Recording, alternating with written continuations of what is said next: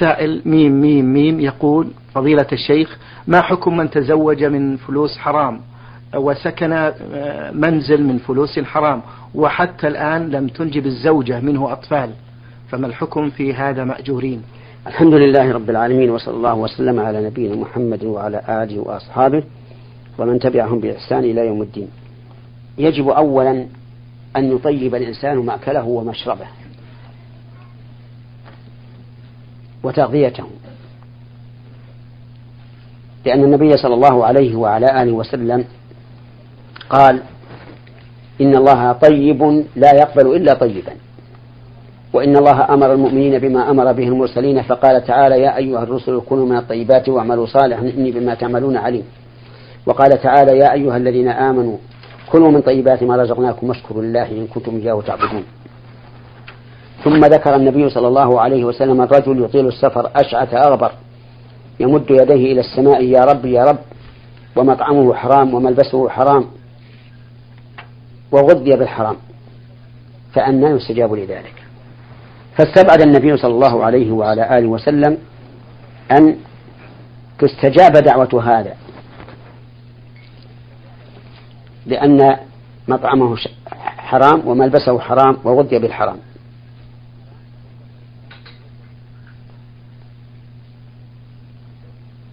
هذا ما أنصح به إخواني.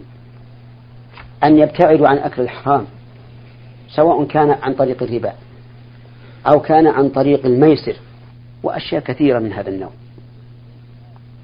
يقع فيها الناس وهم لا يشعرون أو يشعرون ولكن يتهاونون. هذا ما أنصح به أولا أن يطيب الإنسان مطعمه وملبسه ومسكنه. أما ثانيا فهو الإجابة على هذا السؤال. نقول أما بالنسبة للنكاح فصحيح. وبالنسبة لشراء البيت فصحيح. ومعنى صحيح أن العقد أن العقد ليس بباطل. وكذلك ما ما يأكله ويشربه يعني عقد البيع على مأكول ومشروب صحيح. لكنه آثم.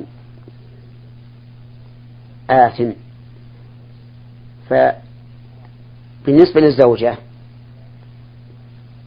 هي حلال له. يعني لا نقول إن الزوجة حرام عليه لأنها العقد صحيح. بالنسبة للبيت أيضا يجوز له أن يسكن فيه. لكن لكن نعم يجب عليه أن يتوب إلى الله عز وجل من ذلك. فإن كان ذا قدرة تصدق بالمال الذي اكتسبه عن حرام. إذا كان حين اكتسابه إياه يعلم أنه حرام. أما إذا كان جاهلا فقد قال الله تعالى من جاءه موعظة من ربه فانتهى فله ما سلف وأمره إلى الله.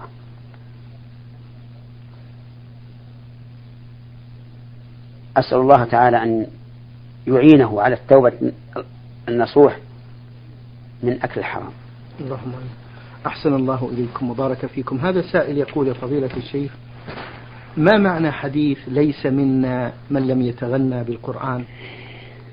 نعم. اختلف شراح الحديث في معناه. نعم شيخ. فقيل المعنى ليس منا من لم يستغني بالقرآن عن غيره. فيكون في ذلك دليل على تحريم الرجوع إلى غير القرآن في العبادة والمعاملات وغيرها. وقيل معنى من لم يتغنى بالقرآن أي من لم يحسن صوته الذي يجب عليه في أداء القرآن.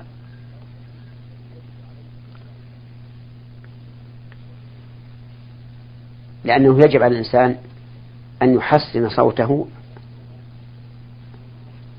على وجه تبين به مخارج الحروف ولا يحصل فيه إدغام يسقط بعض الحروف بغير ما تقتضيه اللغة العربية.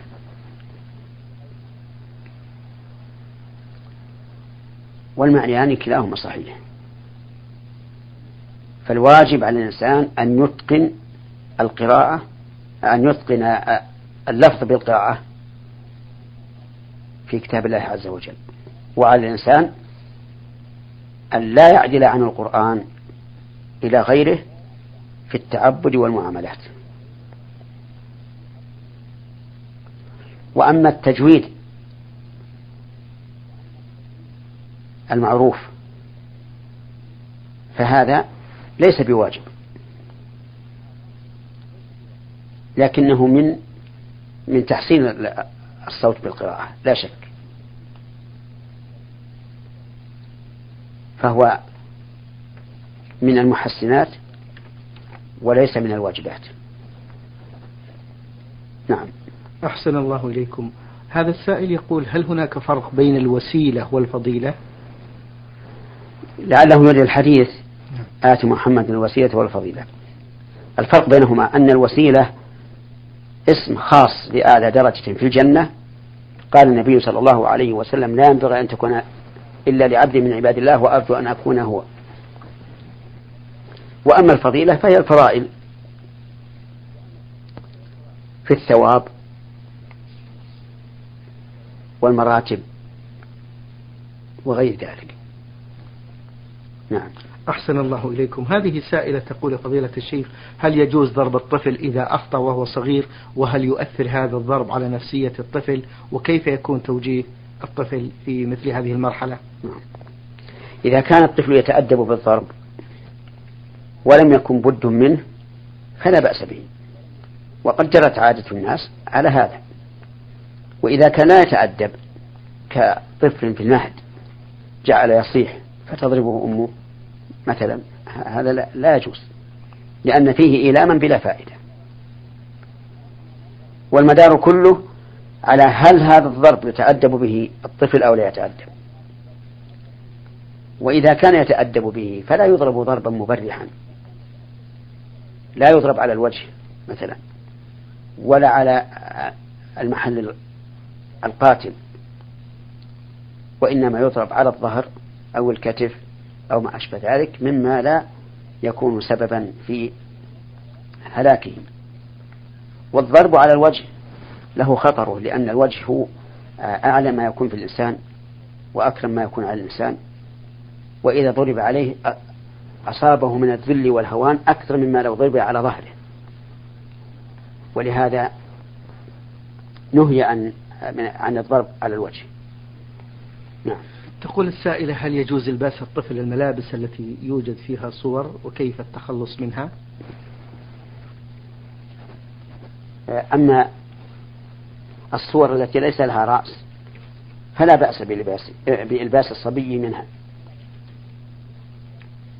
أي من الثياب التي فيها هذه الصور. وكذلك الرأس بلا بلا جسم. إلا إذا كان الرأس من المعظمين في الكفر أو في الفسوق أو في الفجور فإنه لا يجوز تعظيم هؤلاء.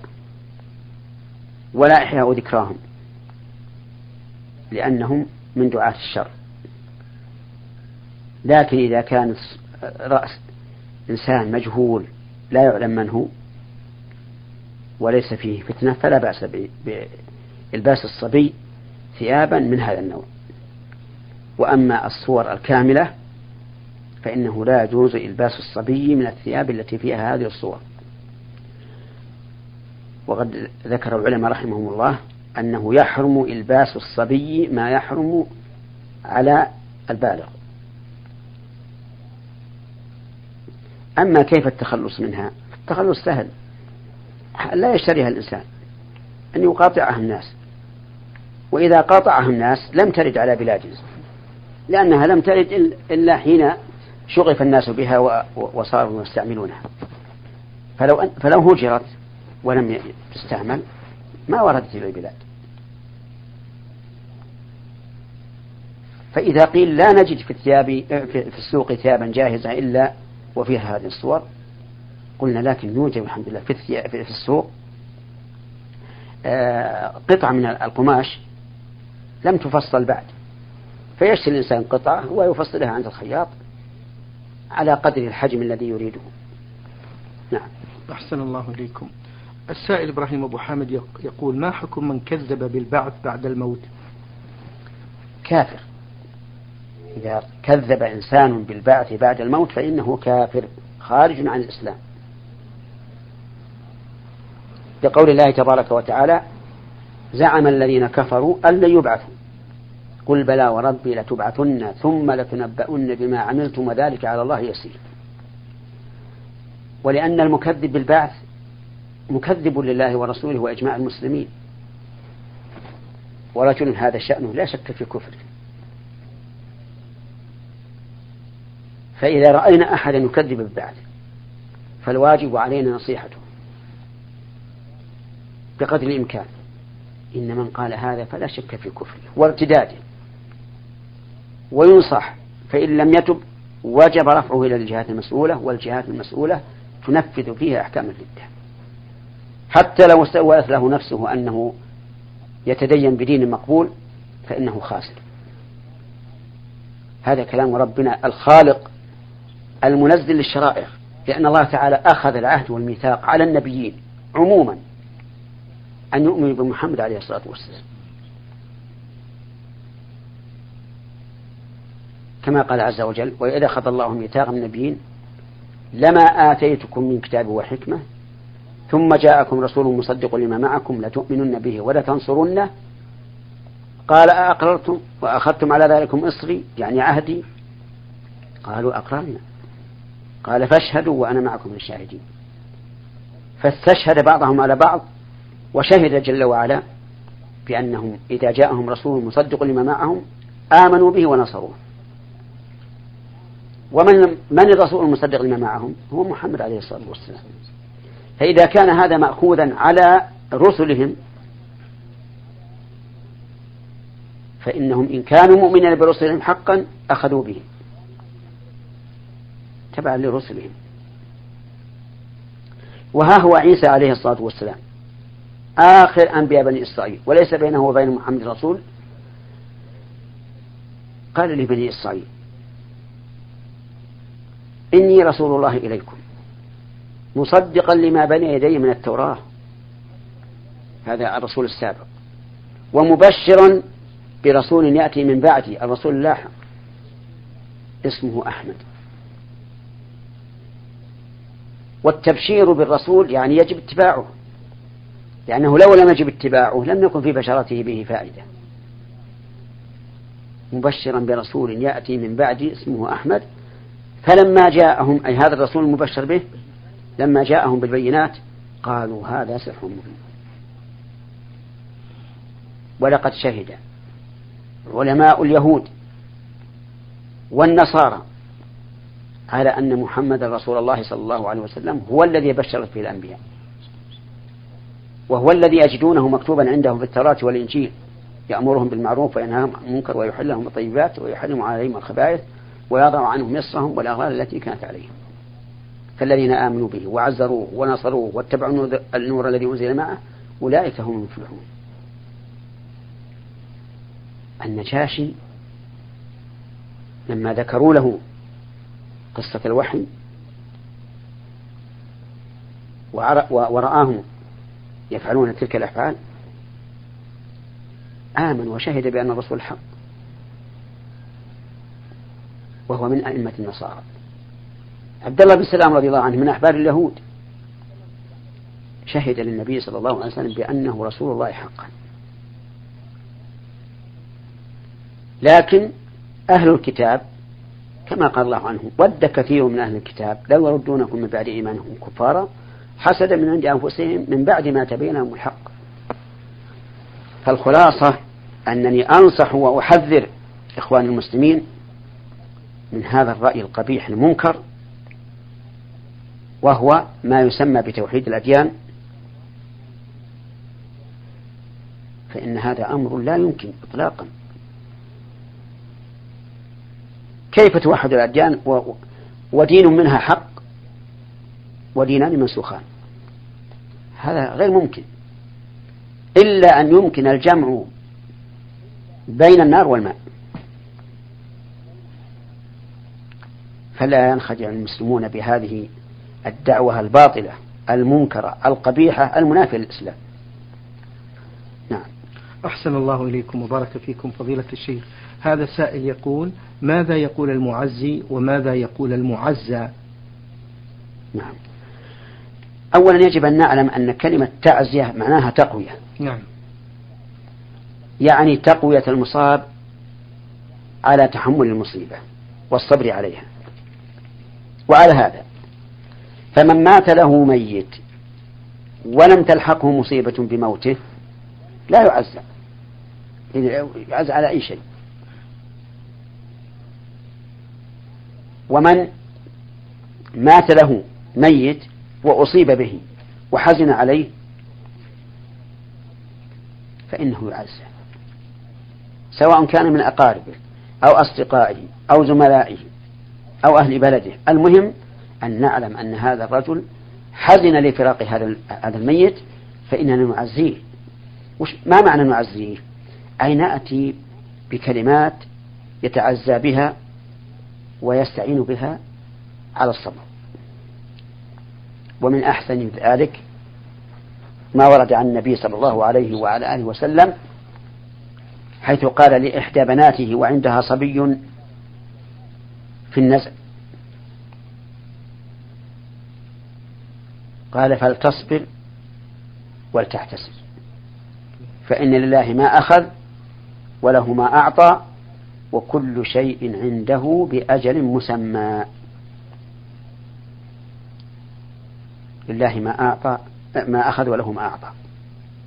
وكل شيء عنده بأجل مسمى. هذا في أكبر تعزية.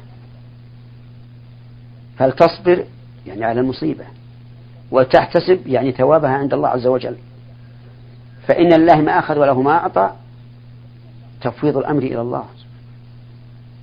له ما أخذ وله ما أعطى الخلق كله ملك الله عز وجل.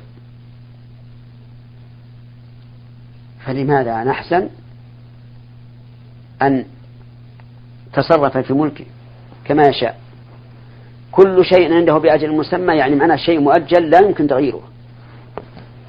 الحزن لا لا يرد غائبا ولا يحيي ميتا. كل شيء بأجل مسمى محدد. لا يستقدمون لا يستأخرون ساعة ولا يستقدمون. هذه الكلمات العظيمة إذا وردت على قلب المصاب اطمأن. قال إن صبرت واحتسبت أثبت على الصبر وعلى الاحتساب. وإن نظرت إلى أن الملك ملك الله يتصرف فيه كما يشاء اقتنعت. هذا ملكه. يفعل ما يشاء. وإذا علمت أن كل شيء مؤجل علمت أن هذا الذي مات لا يمكن يتقدم ولا يتأخر. لا بد أن يقع الأمر كما كتب. فيتسلى بهذا. ويخف عليه الحزن.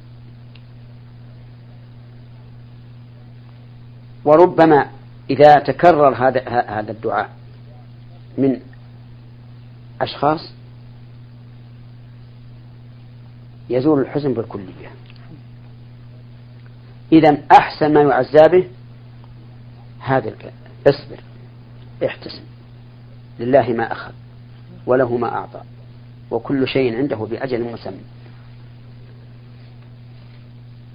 وإذا قال كلمات أخرى مما يناسب مثل أن يقول هذه هي الدنيا ونحن صائرون إلى ما صار إليه ولم يخلد أحد. وما جعل الله لبشر الخلد وما أشبه ذلك.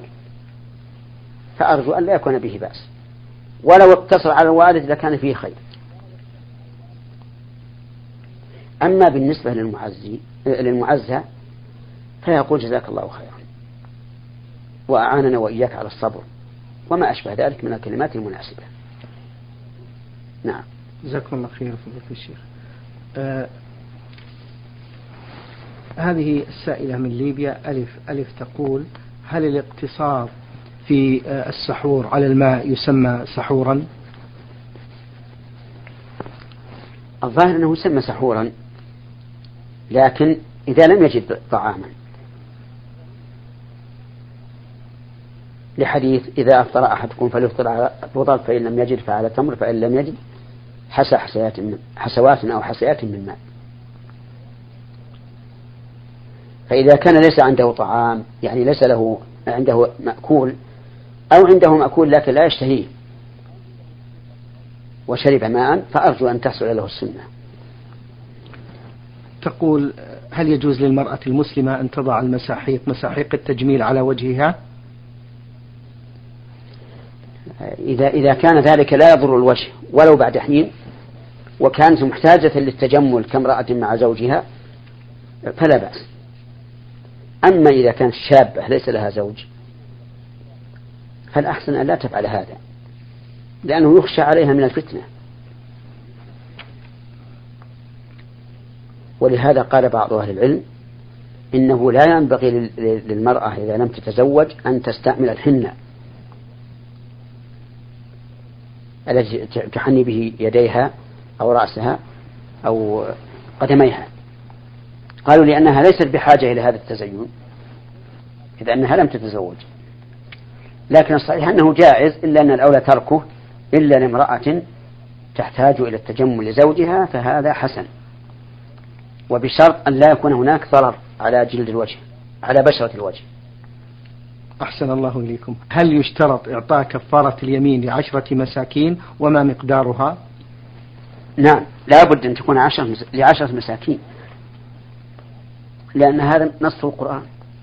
قال الله تبارك وتعالى فكفارته إطعام عشرة مساكين أو كسوتهم أو تحرير رقبة. فمن لم يجد فصيام ثلاثة أيام. أما مقدار الطعام فإن كان يريد أن يصنع طعاما غداء أو عشاء ويجمع العشرة يتغدون أو يتعشون فهذا كافي. وإن لم يفعل فإنه يعطي كل فقير كيلو من الرز. أو ما هو من طعام من طعام آخر. من أوسط ما تطعمون أهليكم. ويجعل معه شيئا يؤدمه كقطعة لحم دجاج أو غيره. فإذا له صفتان. الصفة الأولى أن يجمع الفقراء في على غداء أو عشاء. والصفة الثانية أن يعطي كل واحد كيلو من الرز أو ما يقابله من أوسط ما يطعمون. ما يطعمون منه أهليهم ويجعل معه شيئا يؤدمه من اللحم. نعم. السائلة أختكم في الله طا ميم طا من المنطقة الجنوبية بسبت العلاية تسأل تقول بأنها تصوم من كل شهر ثلاثة أيام فعند بلع الريق تقول يزداد عن حدوده. هل يجوز بلع الريق وهي صائمة؟ نعم لا بأس. أن يبلع الصائم ريقه. لكن بعض العلماء قال يكره أنه يجمع الريق ثم يبتلعه. وأما بدون جمع فإن الريق لا يضر سواء قل أم كثر. على أنه لو جمعه وابتلعه فلا حرج عليه فلا يفطر بذلك لأنه لم يأكل ولم يشرب. والمحرم هو الأكل والشرب. نعم. تقول بأنها تصلي قبل الظهر أربع ركعات وبعد ذلك أربع ركعات. هل يجوز قراءة ما تيسر من القرآن في الركعات آه، جميعها وإلا في الركعتين الأوليين؟ هو أربع ركعات يعني كل ركعتين بتسليمة. نعم. وليس أربع ركعات كالظهر أو أربع ركعات مسرودة ولكن كل ركعتين على حدة نعم. أحسن الله إليكم. من أسئلة هذه السائلة تقول عبارة اللهم لا شماتة آه، هل هي دعاء؟ وهل يجوز أن نقول ذلك إذا تيقنا بأنه ليس من الأحاديث؟ نعم لا بأس. لا بأس أن يقول اللهم لا شماتة. فهي كقول لا تشمت بي الأعداء نعم. ما حكم لبس الكم القصير بالنسبة للمرأة؟ يصل إلى المرفقين أو يعلو عنه قليلا. لبسها ذلك في البيت وعند وعند النساء. لا بأس به ولكني مع هذا أنصح النساء من متابعة الأزياء التي ترد إلى بلادنا والتي لا يريد بها مورجوها النصح لهذه البلاد. هذه البلاد ولله الحمد اعتادت على لباس الحشمة والتستر والبعد عن عن التهتك والتبرج بالزينة لكنها أعني بلادنا مغزوة محسودة على ما هي عليه والحمد من التمسك. فأنصح النساء وأولياء أمورهن من